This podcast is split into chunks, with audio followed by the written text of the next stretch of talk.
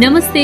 अनि यो चिसो चिसो मौसममा न्यानो न्यानो स्वागत पनि छ। पडकास्ट सिरिज गुलाबी सम्वाद अटिनेस्टक सुन्दै गर्नुभएको तपाईँलाई म करुणाको तर्फबाट। करुणा सँगसँगै म सविताको तर्फबाट पनि तपाईँलाई पडकास्टको साठीौँ एपिसोडमा धेरै धेरै स्वागत छ। आशा छ कि तपाईँ पनि सन्चै हुनुहुन्छ आरामै हुनुहुन्छ सुरक्षित भएर बसिराख्नु भएको छ भनेर। आशा पनि छ कि सबैजना कोरोना संक्रमणबाट जुत्दै र जोगिँदै आफ्नो दैनिकी चलाइराख्नु भएको छ होला। किनकि अब अहिले नयाँ भेरिएन्ट एकदमै छिटो छिटो फैलिरहेको छ र धेरैजना चाहिँ यसको जोखिममा पनि हुनुहुन्छ। त्यही त करुणा रुगाखोकी नलागेको मान्छे भेट्टिने गाह्रो भइसक्यो कि? अब यस्तो अवस्थामा चाहिँ कोरोना कहिले पूर्ण रूपमा अन्त्य हुने हो भन्ने पनि थाहा छैन होइन?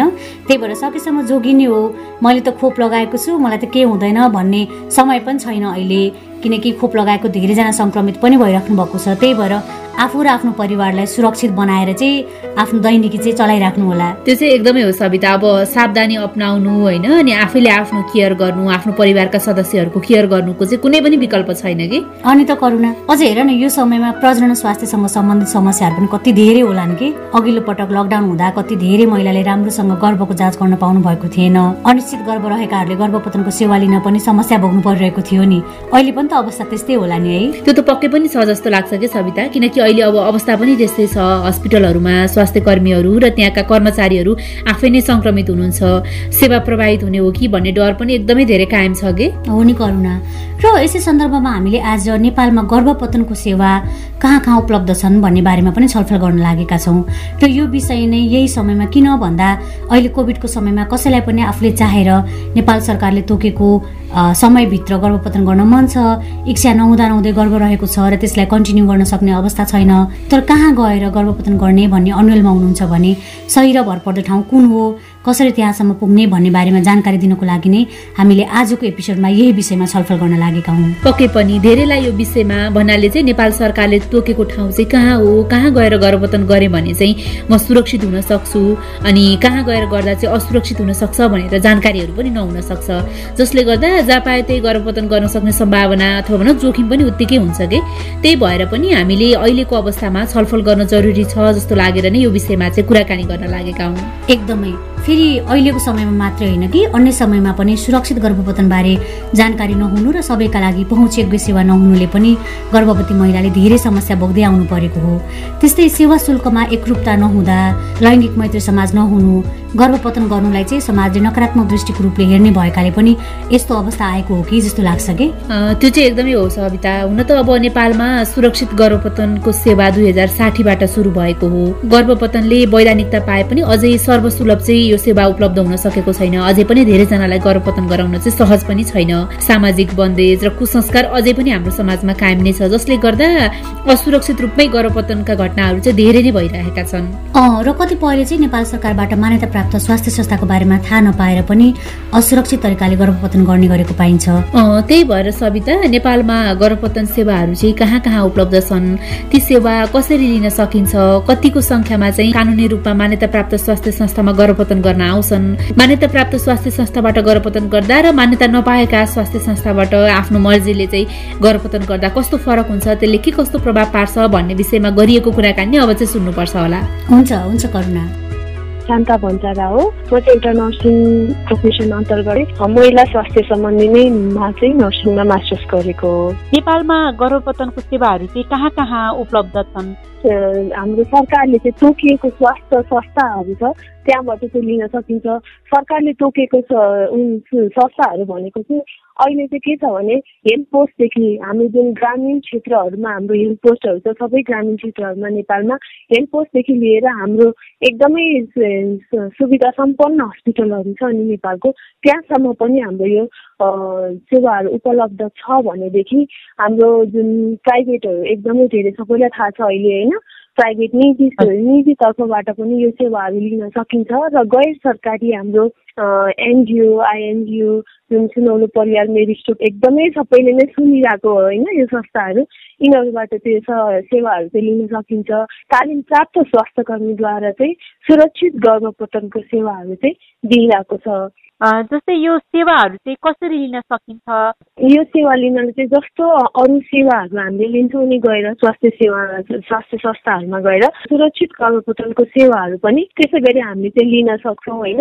महिलाले आफ्नो आफ्नो इच्छाले जस्तो चाहिँ आफ्नो गर्भ चाहिँ अगाडि बढाउन इच्छा छैन कुनै उनीहरूको प्रब्लम छ समस्या छ भने उहाँहरूले चाहिँ त्यस्तो संस्थामा गएर सजिलै चाहिँ लिन सकिन्छ। अनि अर्को कुरा के भने यो सेवा चाहिँ जुन हाम्रो सरकारी तौरबाट दिइरहेको स्वास्थ्य संस्थाहरूबाट चाहिँ नि शुल्क स्वास्थ्य सेवा छ यसमा चाहिँ गर्भपतनको लागि पनि। अनि यो सेवा लिन जाँदाखेरि चाहिँ अरू सेवा जस्तै जाने अनि महिलाले आफ्नो एक्लै आफ्नो यसो इच्छाले चाहिँ लिन सक्छ कि आफू एक्लै गएर तर त्यसको लागि चाहिँ के हुन्छ भने एउटा उमेर पुगेको हुनुपर्छ। जुन सरकारले तोकेको उमेर छ मन्जुरीनामा दिनको लागि सरकारी सेवाबाट चाहिँ उहाँहरूले चाहिँ नि शुल्क रूपमा चाहिँ यो एउटा मन्जुरीनामा दिएर चाहिँ यो सेवा लिएर एक्लै लिएर चाहिँ फर्किन सक्नुहुन्छ यो सेवा लिनको लागि। यो सेवाको लागि एकदम गोपनीयता पनि अप्नाइरहेको हुन्छ स्वास्थ्य कर्मीहरूले कसैलाई थाहा पनि हुँदैन यो होइन? हाम्रो गर्भपतन गर्ने पनि दुईवटा तरिका छ होइन?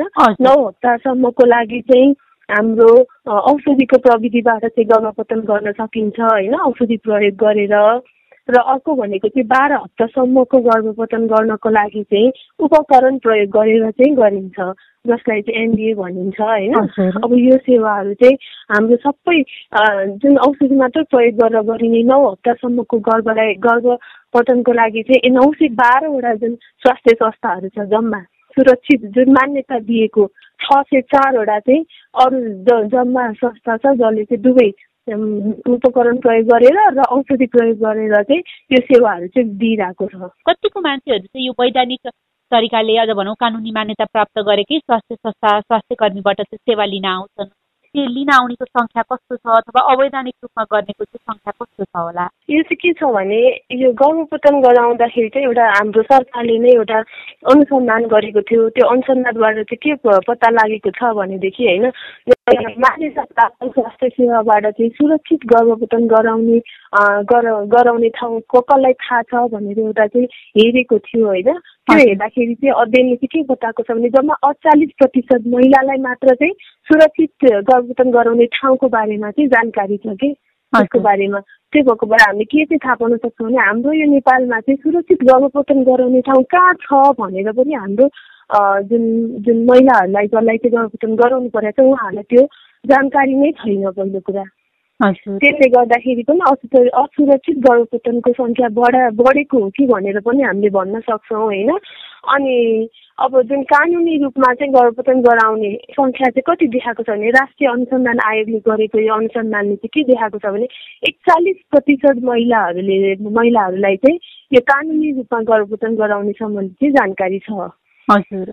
भनेर हामीले पाएको छौँ। अनि अब जति पनि हामीले भन्यौँ जानकारी नै पाएको छैन भनेर जुन हामीले कति महिलाहरूलाई गरेको अनुसन्धानहरू हेर्दाखेरि चाहिँ जम्मा सडसठी प्रतिशत महिलाहरूलाई चाहिँ के छ भने जुन छिमेकीहरूबाट साथी सङ्गतिहरूबाट चाहिँ गर्भपतन गराउने सेवाहरू चाहिँ उहाँहरूले थाहा पाएर जानुहुन्छ कि? जुन हामीले चाहिँ एउटा सम्बन्धित ठाउँबाट यो ठाउँबाट पाइन्छ भनेर नगइकन उसले त्यहाँ पाउँछ भनेर यतिकै अवैधानिक जहाँ गर्भपतन गर्दैछ। त्यहाँ गएको पनि भनेर उहाँहरूले चाहिँ इन्फर्मेसनहरू जानकारीहरू दिइरहेको पनि हामीले सुनिरहेको जुन अध्ययनहरूबाट चाहिँ देखाइरहेको पनि देखिरहेको छौँ होइन?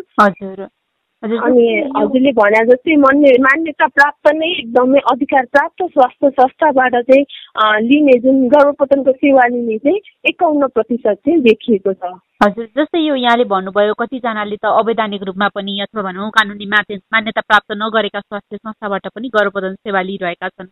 त्यसरी कानुनी मान्यता प्राप्त स्वास्थ्य संस्थाबाट यो सेवाहरू लिइरहँदा र मान्यता प्राप्त नभएको स्वास्थ्य संस्था अझ भनौँ अवैधानिक तरिकाले अझ भन्दाखेरि चाहिँ स्वास्थ्यलाई हानि पुर्याउने तरिकाले चाहिँ गर्भपतन सेवा लिँदा चाहिँ त्यसमा फरक चाहिँ के पर्छ? कस्तो खालको समस्याहरू चाहिँ उहाँहरूले बिहोर्नु पर्ने हुनसक्छ? ए एकदमै राम्रो क्वेसन भयो र यो चाहिने पनि कुरा हो सबैको लागि।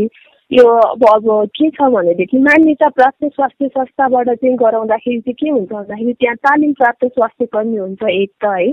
अनि अर्को गरेर हाम्रो के हुन्छ भने मान्यता प्राप्त स्वास्थ्य संस्थामा चाहिँ जति पनि उपकरणहरू चाहिन्छ अनि जति पनि जटिलता आउन सक्छ त्योसँग सम्म त्यो समस्यासँग लड्नलाई चाहिने जुन मान्छे अथवा जुन म्यान पावरहरू चाहिन्छन् त्यो म्यान पावरदेखि लिएर उपकरणहरू सबै चाहिँ त्यहाँ रेडी नै राखेको हुन्छ मान्यता प्राप्त संस्थामा। त्यति त्यति नभइकन त स्वीकृति पनि पाएको हुँदैन नि त उनीहरूले। अनि त्यो जति जटिलताको लागि चाहिने औषधिहरूदेखि लिएर उपकरणहरूदेखि लिएर लास्टमा त्यहाँ गएर उनीहरूले समाधान गर्न सकेन भनेदेखि त्यहाँबाट रिफरल गर्ने सिस्टम हुन्छ। यो ठाउँमा चाहिँ रिफर गर्ने र जसले त्यसले गर्दा त्यहाँ पुग्ने बित्तिकै अथवा पुगन्जेलसम्म पनि उनीहरूले चाहिँ स्वास्थ्य उपचार चाहिँ पाइ नै रहेको हुन्छ कि? भने जुन मान्यता प्राप्त नभएको स्वास्थ्य संस्था तालिम प्राप्त नभएको स्वास्थ्य कर्मीबाट उहाँहरूले गर्भपोषण गराउनु भयो भने यो त उहाँहरूले अवश्य पनि पाउनुहुन्न नि। त्यो भएको कारणले गर्दाखेरि जति पनि जटिलताहरू आउन सक्छ जे काममा पनि आउन सक्छ नि होइन? आउन सक्छ महिलाको लागि त्यो त्यो जटिलता समाधान गर्नलाई चाहिँ जुन तालिम प्राप्त स्वास्थ्य कर्मी भएन स्वास्थ्य संस्था भएन भनेदेखि चाहिँ उहाँहरूले समस्याहरू धेरै नै भोग्नु पर्ने हुन्छ।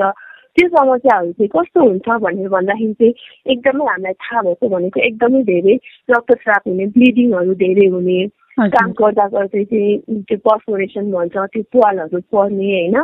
अनि त्यसपछि पछि गएर अहिले अहिले अहिलेको स्थितिमा चाहिँ गर्भपतन भयो भनेर बस्ने तर त्यहाँ चाहिँ सङ्क्रमण पछि गएर चाहिँ सङ्क्रमण देखिन सक्छ।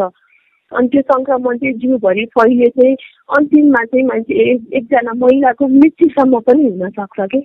त्यो भएको भएर चाहिँ यो गर्भपतन जान गराउन जानुभन्दा अगाडि चाहिँ एउटा महिलाले बुझ्नुपर्छ कि म मान्यता प्राप्त स्वास्थ्य संस्थामा छ कि छैन तालिम प्राप्त स्वास्थ्य कर्मीबाट चाहिँ मैले सेवा लिइरहेको छु कि छैन र यो भएन भने चाहिँ मेरो के हुनसक्छ भन्ने कुरा चाहिँ एउटा महिलाले यो कुरा बुझेर जानुभयो भने चाहिँ उहाँहरूले आफ्नो ज्यान गुमाउनु पर्दैन भनेर पनि भन्छु म र कतिलाई चाहिँ जटिलताबाट बस्न पनि सक्नुहुन्छ यो थाहा पाउनुभयो भनेदेखि। गर्भपतन सेवाहरू चाहिँ कहाँ कहाँ उपलब्ध छन् यो कसरी लिन सकिन्छ भन्ने बारेमा यति मजाले जानकारी गराइदिनु भएकोमा शान्ता बन्जारालाई धेरै धेरै धन्यवाद र उहाँले भन्नुभयो जस्तै सुरक्षित गर्भपतनका लागि भरपर्दो ठाउँ भनेको नेपाल सरकारले मान्यता प्रदान गरेका स्वास्थ्य संस्थाहरू नै हुन् जहाँ चाहिँ कानुनी रूपमा मान्यता प्राप्त स्वास्थ्य कर्मीहरूबाटै गर्भपतन सेवा चाहिँ लिन पाइन्छ। पक्कै पनि मान्यता प्राप्त स्वास्थ्य संस्थाबाट सेवा लिँदा गर्भवती महिलाको स्वास्थ्यमा समस्या देखिने सम्भावना कम हुन्छ। यदि हामीले मान्यता प्राप्त स्वास्थ्य संस्थामा नगएर अन्यत्र गयौँ र असुरक्षित रूपमा गर्भपतन गऱ्यौँ भने चाहिँ अत्याधिक रक्तस्राव हुने अब औजारको प्रयोगबाट गरेको गर्भपतन हो भने चाहिँ पाठेघरमा चोट लाग्ने घाउ हुने पाल पर्ने सङ्क्रमण हुने जोखिम पनि उत्तिकै हुन्छ। त्यस्तै पटक पटक गर्भपतन गर्ने महिलामा बाजुपनको समस्या हुने र महिलाको ज्यानै जान सक्ने जोखिम पनि हुन सक्छ पक्कै पनि त्यही भएर पनि आफ्नो स्वास्थ्यलाई चाहिँ जोखिममा पार्दै नपारौँ। कुन अवस्थामा र कुन कुन ठाउँबाट गर्भपतन गर्न सकिन्छ कानुनमा चाहिँ के कस्तो प्रावधान छ आफूले सेवा लिने ठाउँ चाहिँ आधिकारिक ठाउँ हो कि होइन अथवा सेवा दिने व्यक्ति चाहिँ मान्यता प्राप्त स्वास्थ्य कर्मी हो कि होइन म यो ठाउँमा आफूलाई कतिको सुरक्षित महसुस गर्छु भन्ने जस्ता कुरामा चाहिँ एकदमै प्रष्ट हुन अनि कानुनले तोकेको समय सीमाभित्र मात्रै रहेर गर्भपतन गराउने भन्न चाहन्छौँ। एकदमै हो नि। किनकि तपाईँको स्वास्थ्य चाहिँ तपाईँकै हातमा छ अरू कसैको हातमा आएन पक्कै पनि। र आज हामीले नेपालमा गर्भपतनको सेवा कहाँ कहाँबाट र कसरी कसरी लिन सकिन्छ भन्ने बारेमा गरेको छलफल तपाईँलाई कस्तो लाग्यो? आफूलाई लागेको कुराहरू हामीलाई भन्न मन लागेको छ भने हामीलाई लेखेर वा रेकर्ड गरेर पठाउन सक्नुहुनेछ। त्यसको लागि हाम्रो इमेल ठेगाना रहेको छ Gulabi Sambad at Gmail dot com त्यस्तै हाम्रा सोसियल मिडियाहरू फेसबुक इन्स्टाग्राम ट्विटर टिकटक र युट्युबमा गुलाबी सम्वाद सर्च गरेर पनि हामी तपाईँसँग जोडिन सक्छौँ। आफ्ना कुरा त्यहाँ पनि तपाईँले भन्न सक्नुहुन्छ।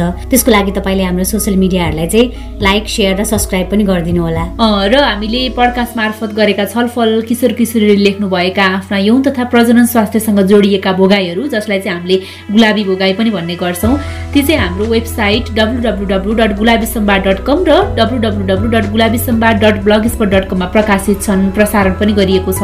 त्यहाँबाट पनि तपाईँले हाम्रो कार्यक्रम सुन्न किशोर किशोरीले लेख्नुभएका आफ्ना भोगाईहरू अनुभवहरू पढ्न सक्नुहुनेछ। त्यस्तै तपाईँले हाम्रो यस पडकास्ट श्रृङ्खला गुलाबी सम्वाद अट इन स्टक चाहिँ W W W dot anchor dot एफएममा गएर Gulabi Sambad teen talk search गरेर पनि सुन्न सक्नुहुन्छ।